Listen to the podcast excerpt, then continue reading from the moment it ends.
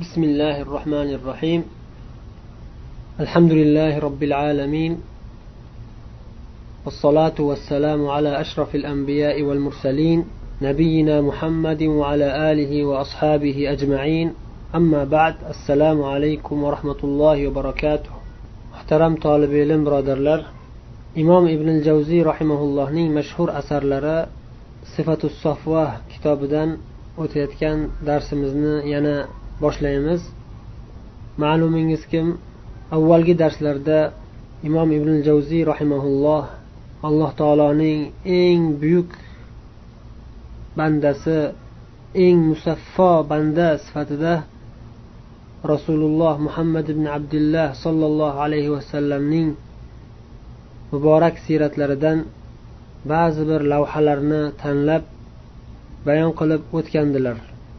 Undan keyin barchamizga ma'lum bo'lgan xulafoi roshidinlar sahobiy ikromlarning ichlaridagi eng ulug' to'rtta sahobiy rasululloh sollallohu alayhi vasallamning sunnatlarini mukammal darajada tatbiq etgan qalblari tillari amallari bilan rasululloh sollallohu alayhi vasallamning yo'llarini mukammal darajada lozim tutgan rasululloh sollallohu alayhi vasallamning xalifalari bo'lmish abu bakr siddiq umar ibn xattob al faruq usmon ibn affan zunnurayn va ali ibn abi tolib roziyallohu anhum ajmain. Mana shu zotlarning siyratlarini qisqacha bayon qilib va bu zotlardan rivoyat qilingan buyuk hikmatli so'zlardan ba'zi bir namunalarni keltirib o'tdilar. Biz ana shu buyuk nasihatlar bilan avvalgi darslarimizda bahramand bo'lganmiz. Endi xulafoi roshidinlardan keyingi darajada turadigan asharai mubashsharinlarning qolgan oltitalari bilan tanishtirib o'tishga kirishyaptilar. Har bir qalbida sahobiy ikromlariga muhabbati bo'lgan musulmon kishi biladigan al asharatul mubashsharun bil janna jannatga bashorat berilgan jannatiy ekanligi ularning hayot davrlarida xabar berib qo'yilgan eng ulug' o'nta sahobiy kiromlar. Bularning eng birinchilari yuqorida aytib o'tganimiz xulafoi roshidinlar to'rtta payg'ambarimiz sollallohu alayhi vasallamning xalifalari. Ulardan keyin tolha ibn ubaydillah الزبير بن العوام عبد الرحمن بن عوف سعد بن أبي وقاص سعيد بن زيد وأبو عبيدة بن الجراح رضي الله عنهم أجمعين العشرة المبشرون بالجنة وانت جنتي صحابلار deb aytilganda mana shu sahobiy ikromlarni ko'zda tutiladi va ma'lumki jannatga bashorat berilgan sahobiylar faqatgina mana shu o'nta sahobiy emas balki ularning ichidagi eng afzallari va barchalari bitta hadisda ketma ket zikr qilinganlari mana shu o'nta sahobiy deb bilamiz. Lekin rasululloh sollallohu alayhi vasallam bulardan boshqa yana bir qancha sahobiy ikromlarni nomlarini aytib tayinlab ularni jannatiy ekanliklarini xabar berganlar va inshaalloh ular bilan ham keyingi darslarimizda asta sekin tanishib boramiz. Ahli sunna val jamoa e'tiqodi bo'yicha sahobiy ikromlarning afzalliklariga qarab tartiblash qisqacha aytganda quyidagicha bo'ladi. Birinchi o'rinda abu bakr siddiq roziyallohu anhu u kishidan keyin umar ibn xattob roziyallohu anhu u kishidan keyin usmon ibn affon roziyallohu anhu u kishidan keyin ali ibn abi tolib roziyallohu anhu bu to'rttalardan keyin qolgan oltita sahobiy o'nta jannatiy sahobiylardan keyingi darajada turadigan eng ulug' sahobiylar badr jangida ishtirok etgan barcha buyuk muhojiru ansorlar ulardan keyingi darajada turadigan eng ulug' sahobiylar hudaybiya g'azotida ishtirok etgan bir yarim mingta sahobiy ahli bayati rizvon bayati rizvon ahli alloh taolo qur'oni karimda ulardan rozi bo'lganini va ular ham allohdan rozi bo'lganliklarini xabar bergan hudaybiya g'azotida rasululloh sollallohu alayhi vasallamga bayat bergan bir yarim mingga yaqin sahobiy ikromlar ulardan keyingi darajada turadigan buyuk sahobiylar barcha muhojirlar va ansorlar ulardan keyin umuman aytganda barcha sahobiy ikromlar rasululloh sollallohu alayhi vasallamga hayotliklarida kelib bayat berib iymon keltirgan va mana shu iymonlarida vafot qilgan sahobiy ikromlarning barcha barchalari jannatiy ekanliklarida biz shubha qilmaymiz. Va ular islom ummatining eng ulug' zotlari allohning eng ulug' do'stlari payg'ambarlardan keyingi darajada turadigan eng ulug' zotlar rasululloh sollallohu alayhi vasallamning ashobi ikromlari bu ahli sunna va jamoaning sahobiy ikromlarga nisbatan bo'lgan e'tiqodlarining qisqacha bayoni bo'lib endi darsimizga kirishamiz imom ibn javziy rahimaulloh aytyaptilar abu muhammad طلحة بن عبيد الله بن عثمان بن عمر بن كعب طلحة بن عبيد الله kunyalari abu muhammad dadalarining ismi ubaydulloh bobolarining ismi usmon nasablari payg'ambarimiz sollallohu alayhi vasallamning bobolari luayda payg'ambarimiz sollallohu alayhi vasallamning nasablari bilan uchrashadi. Onalari assoba roziyallohu anhu ham tolha roziyallohu anhu bilan birinchi bosqichda islomga kirgan sahobiy ikromlardan tolha roziyallohu anhu rasululloh sollallohu alayhi vasallamga eng yaqin sahobiylardan bo'lganliklari uchun bu kishini rasululloh sollallohu alayhi vasallam juda muhim vazifalarga yuborar edilar.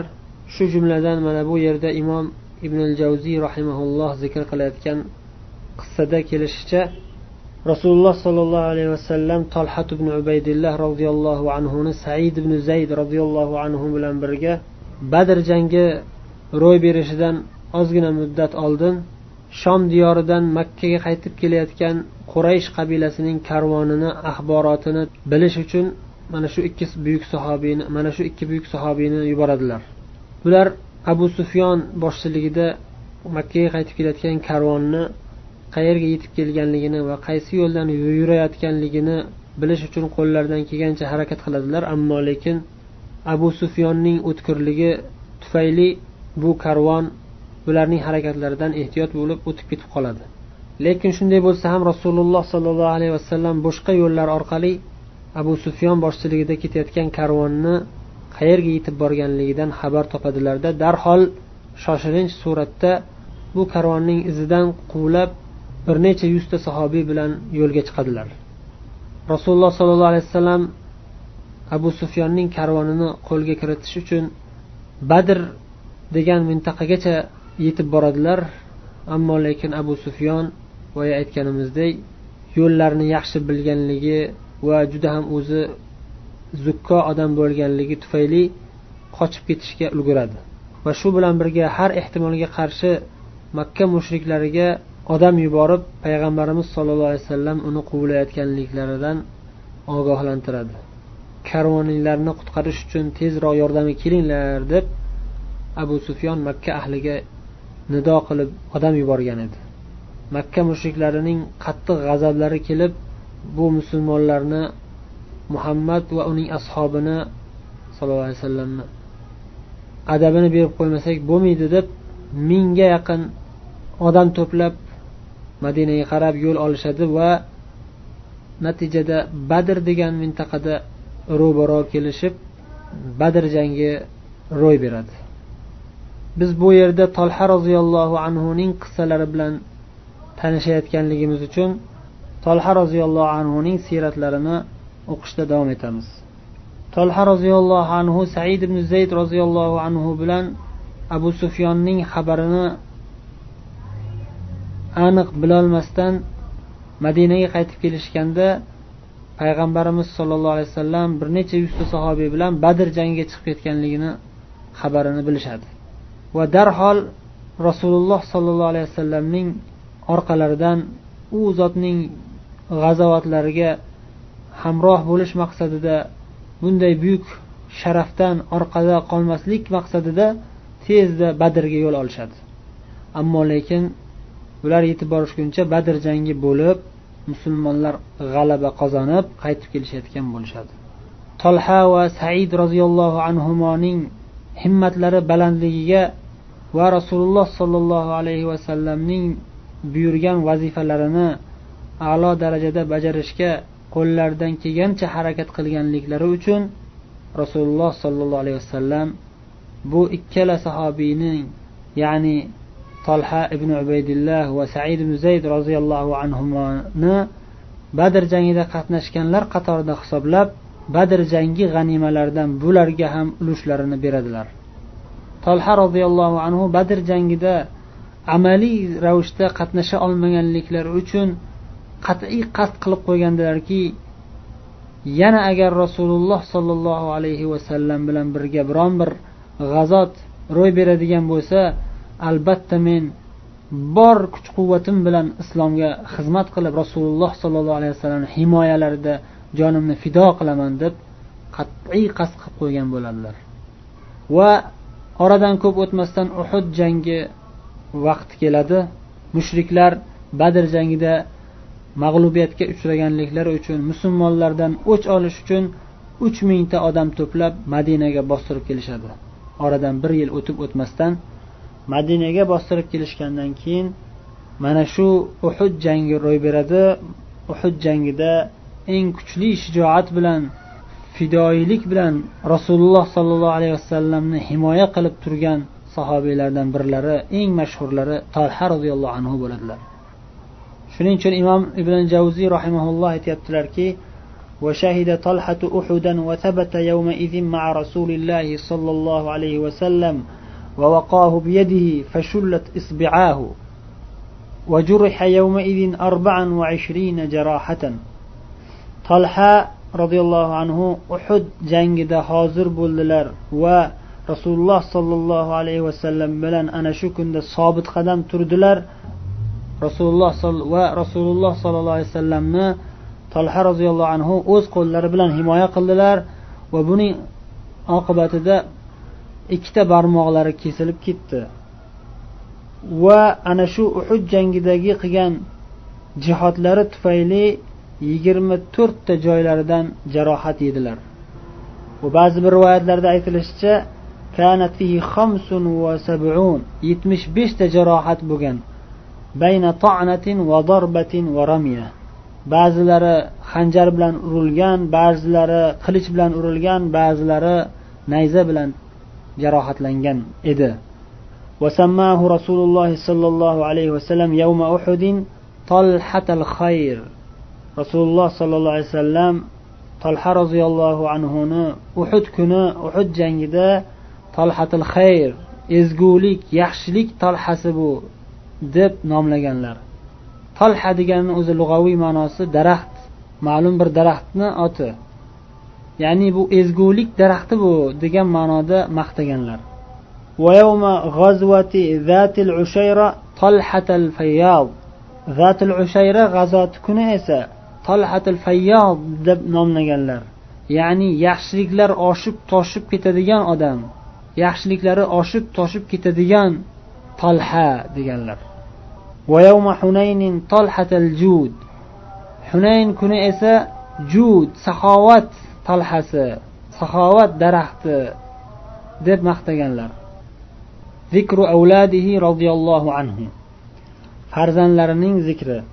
كان له من الولد محمد وهو السجاد قتل معه يوم الجمل وعمران ummuhuma hamnatu binti jahsh muhammad degan o'g'illari bo'lgan laqabi sajjad ko'p sajda qiluvchi degan laqabi bilan tanilgan muhammad degan o'g'illari dadalari bilan ya'ni tolha roziyallohu anhu bilan birga jamal kuni ya'ni jamal urushi bo'lgan kuni qatl qilinganlar va imron yana imron degan o'g'illari bo'lgan muhammadni tug'ishgan ukasi rahimahumalloh bularning onalari bitta. Ya'ni muhammad va imronning onalari hamna binti jahsh degan ayol tolha roziyallohu anhuning birinchi ayollari. Undan keyin muso degan o'g'illari ham bo'lgan havla bintil qaqo degan ayollaridan ikkinchi ayollaridan. Yaqub degan o'g'illari ham bo'lgan al harra urushida qatl qilinganlar. Va ismoil va ishoq degan o'g'illari ham bo'lgan. Bu uchta o'g'illarini yaqub ismoil ishoq degan o'g'illarini onalari tolha roziyallohu anhuning uchinchi ayollaridan uchinchi ayollari bo'ladi. Ummu aban bint utbat ibn robiya degan ayolning farzandlari. Yana zakariyo yusuf oysha degan farzandlari bo'lgan. Bularning onalari abu bakr siddiq roziyallohu anhuning ummu kulsum degan qizlari qizlari bo'ladi. Ummu kulsum degan qizlari talha roziyallohu anhuning to'rtinchi ayollari. Yana iso va yahyo degan farzandlari bo'lgan. Bular suda bint avf degan tolha roziyallohu anhuning qaysidir bir ayollari vafot qilgandan keyingi olgan yana bir ayollari bo'ladi. Shularni farzandi. Yana ummu ishoq ummu ishoq degan qizlari ham bo'lgan hasan roziyallohu anhuga turmushga chiqqan. Yana assoba degan qizlari bo'lgan ummu ishoq va assoba degan qizlari tolha roziyallohu anhuning cho'rilaridan bo'lgan farzand. Maryam degan qizlari ham bo'lgan bu qizlari ham cho'rilardan bo'lgan va solih degan o'g'illari bo'lgan al furaya degan ayollaridan.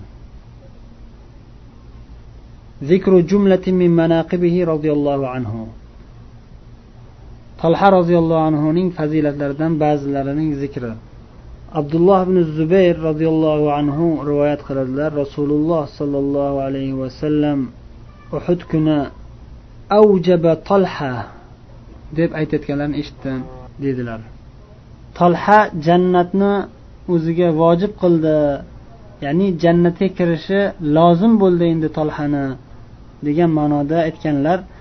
Qachon? Hina sanaa bi rasulillahi sollallohu alayhi vasallam ma sana rasululloh sollallohu alayhi vasallamga ko'rsatgan xizmatlaridan keyin ko'rsatgan xizmatlaridan keyin o'sha uhud jangida. Qanday xizmat ko'rsatgandilar? Hina barakalahu tolha fasa'ida rasululloh sollallohu alayhi vasallam ala zahrihi tolha roziyallohu anhu rasululloh sollallohu alayhi vasallamning taglariga yiqilib ustimga chiqing ey rasululloh deb ustilariga ko'tarib bellariga ko'tarib rasululloh sollallohu alayhi vasallamni uhud tog'iga ko'tarib olib chiqib ketganlar mushriklardan himoya qilib. Mana shunda rasululloh sollallohu alayhi vasallam طلحة جنة فكر شو واجب بلد دب وعن عائشة رضي الله عنها قالت كان أبو بكر رضي الله عنه إذا ذكر يوم أحد قال ذاك كله يوم طلحة. أبو بكر الصديق رضي الله عنه دان عائشة أنا مز روايات قلت أبو بكر الصديق رضي الله عنه uhud kuni ya'ni uhud jangi bo'lgan kun zikr qilinsa abu bakr siddiq roziyallohu anhu aytardilar u kuni tolhaning kuni uhud kuni tolhaning kuni deb maqtardilar tolhani ya'ni uhud jangida eng asosiy xizmat ko'rsatgan sahobiy bu tolha roziyallohu anhu deb maqtadilar قال أبو بكر الصديق رضي الله عنه كنت أول من جاء يوم أحد فقال لي رسول الله صلى الله عليه وسلم ولأبي عبيدة بن الجراح عليكما يريد طلحة وقد نزف. فأصلحنا من شأن النبي صلى الله عليه وسلم ثم أتينا طلحة في بعض تلك الحفار. فإذا به بضع وسبعون أو أقل أو أكثر بين طعنة وضربة ورمية وإذا قد قطعت إصبعه فأصلحنا من شأنه. Abu bakr aytyaptilar roziyallohu anhu uhud kuni rasululloh sollallohu alayhi vasallamning yordamlariga shoshilib kelganlarni ichida birinchilardan bo'luvdim. Shunda rasululloh sollallohu alayhi vasallam menga va abu ubaydaga aytdilarki tolhaga qaranglar dedilar. Tolha roziyallohu anhu qattiq jarohatlanib qonlari oqib ketayotgan edi. Shunda biz birinchi o'rinda payg'ambarimiz sollallohu alayhi vasallamni jarohatlarini davolashga qo'limizdan kelgancha harakat qildik. Keyin tolhani oldiga kelsak tolha ana shu yerdagi joylardan birida yarador bo'lib yotgan ekan. Yetmish nechtadir ham yo undan ko'proq yoki undan kamroq zarba yegan ekan.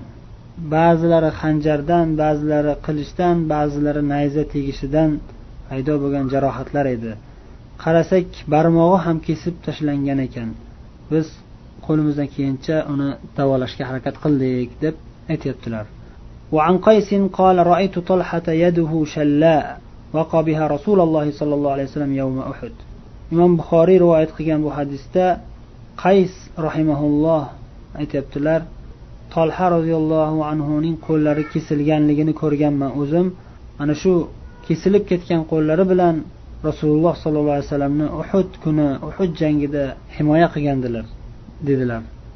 وعن موسى بن طلحة عن أبيه طلحة بن عبيد الله قال لما رجع رسول الله صلى الله عليه وسلم من من أحد من أحد صعد المنبر فحمد الله وأثنى عليه ثم قرأ هذه الآية رجال صدقوا ما عاهدوا الله عليه فمنهم من قضى نحبه طلحة رضي الله عنه o'g'illari muso dadalaridan rivoyat qilib aytadilarki rasululloh sollallohu alayhi vasallam uhud jangi tugagandan keyin madinaga qaytib kirib minbar ustiga chiqib xutba qildilar allohga hamdlar aytdilar.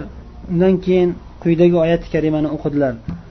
Bu oyati karimaning ma'nosi shuni ifoda etadiki alloh taoloning shunday bandalari borki allohga bergan ahdu va'dalariga ahdu paymonlariga sodiq turgan erkak mard odamlar bor.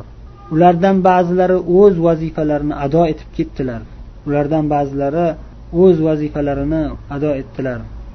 Shu oyati karimani o'qiganlarida sahobiylardan birlari turib ular kimlar ey rasululloh?